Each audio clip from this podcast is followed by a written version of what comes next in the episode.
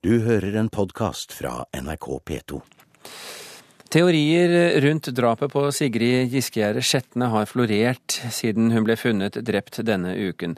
Lederen for volds- og sedelighetsavsnittet i Oslo, Hanne Kristin Rode, skrev på nettstedet Twitter at media trekker for raske konklusjoner i etterforskningen i Sigrid-saken, og at hun syns synd på de pårørende i all støyen.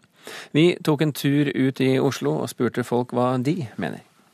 Jeg syns for så vidt at media har vært ganske tidlig ute med å trekke informasjon og detaljer ut eh, til folket. da. De kunne kanskje avventet litt til, eh, til, at det var litt mer håndfaste beviser og faktisk hva som, ja, som var, hadde skjedd altså, Media kommer jo ut med veldig mye detaljer og informasjon eh, som kan eventuelt skade etterforskningen. Altså, nå er ikke jeg noen politibetjent, men altså, i tidligere saker også så har media kommet ut med kanskje litt for mye. Jeg tenkte å si at de, de virker som de vet mer enn hva, hva politiet vet, i hvert fall.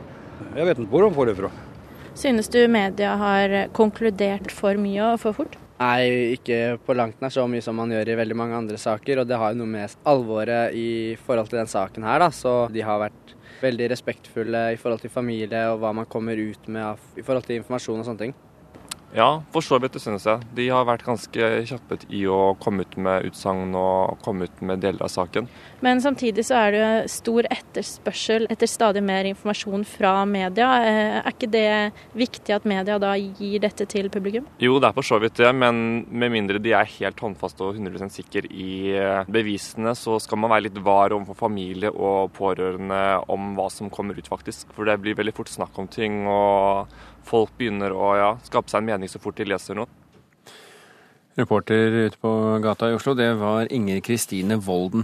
Paul Bjerke, førsteamanuensis i journalistikk ved Høgskolen i Volda med en doktorgrad i presseetikk. Har mediene trukket for raske konklusjoner i denne saken? Ja, Det kan man jo si. Eh, det er veldig lett for medier å drive dobbeltkommunikasjon. Altså man på den ene siden sier at vi vet jo ikke noe sikkert, og det er bare snakk om siktelser osv.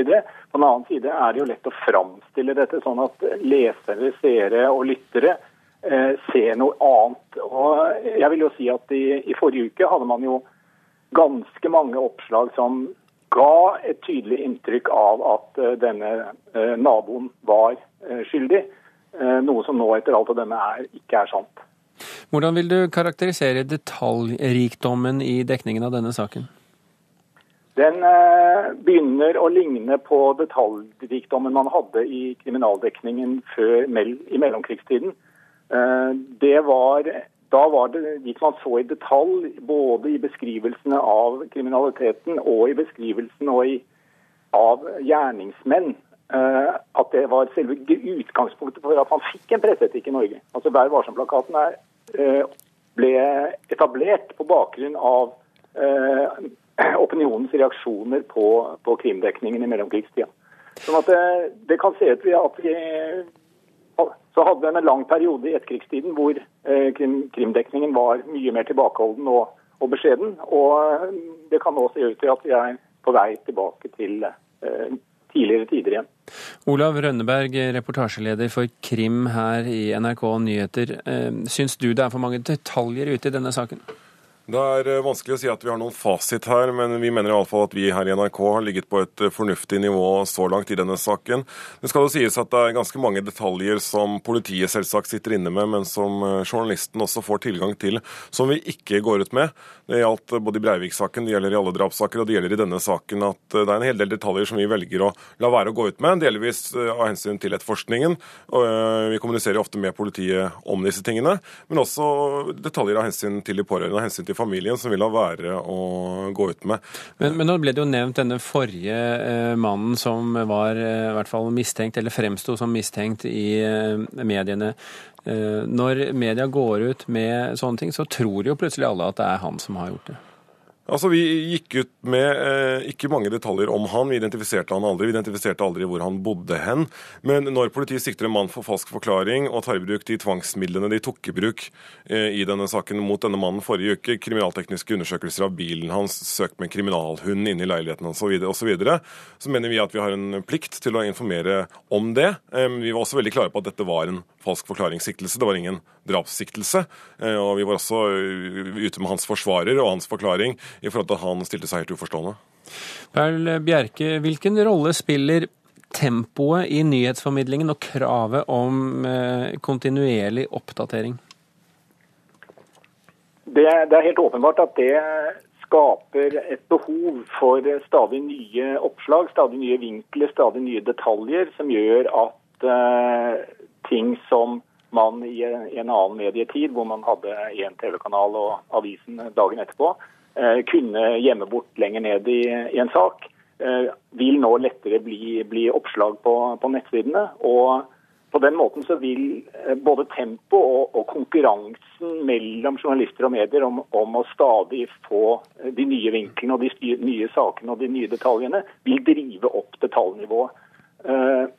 Man så jo i forrige uke hvor, hvor mediene nærmest direktesendte fra Eh, fra politiets ransaking av den forrige eh, siktedes eh, bolig. Og det er klart at det, Man har jo ikke noen plikt til å informere om det på direkten på en måte som gjør at han framstår da som, som skyldig.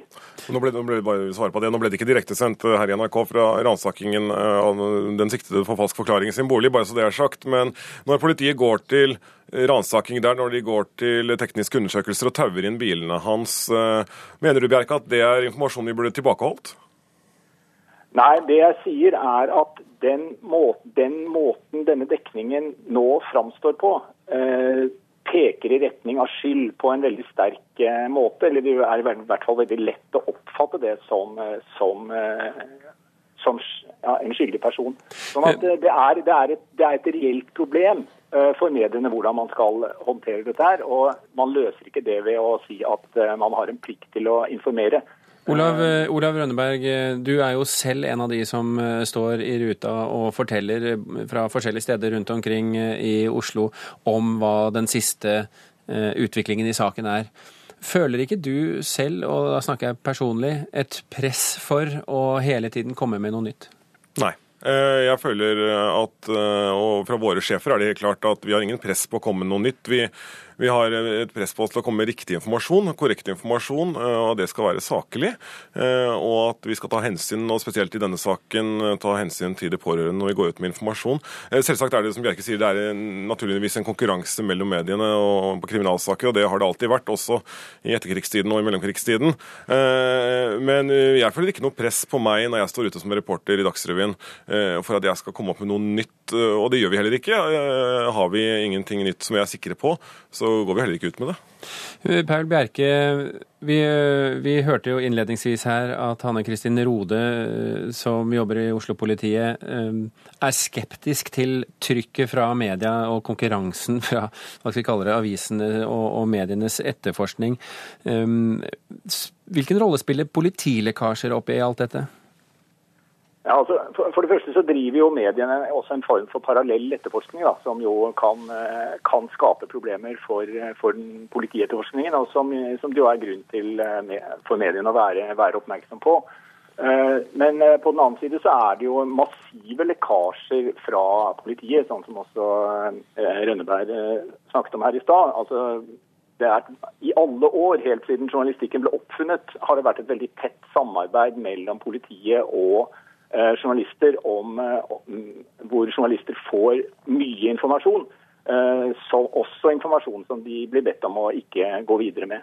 Og også informasjon som de blir bedt om å gå videre med. Sånn at Hanne Kristine Rode burde jo sannsynligvis også tatt en samtale med sine egne før hun kritiserer mediene for å gå ut med informasjon som etter alt å dømme stammer fra politiet selv. Kort replikk til deg. Men det som er et problem ofte, i, og vi ser det spesielt i denne Sigrid-saken, er at politiet holder kortene svært tett til brystet. For tett, mener vi.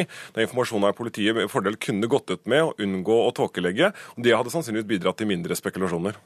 Og bare så det er sagt, Vi har selvfølgelig forsøkt å få Hanne Kristin Rode i studio i dag. Det har ikke lyktes oss. Men vi fikk Olav Rønneberg og Paul Bjerke, og tusen hjertelig takk for at dere kom hit til Kulturnytt. Du har hørt en podkast fra NRK P2.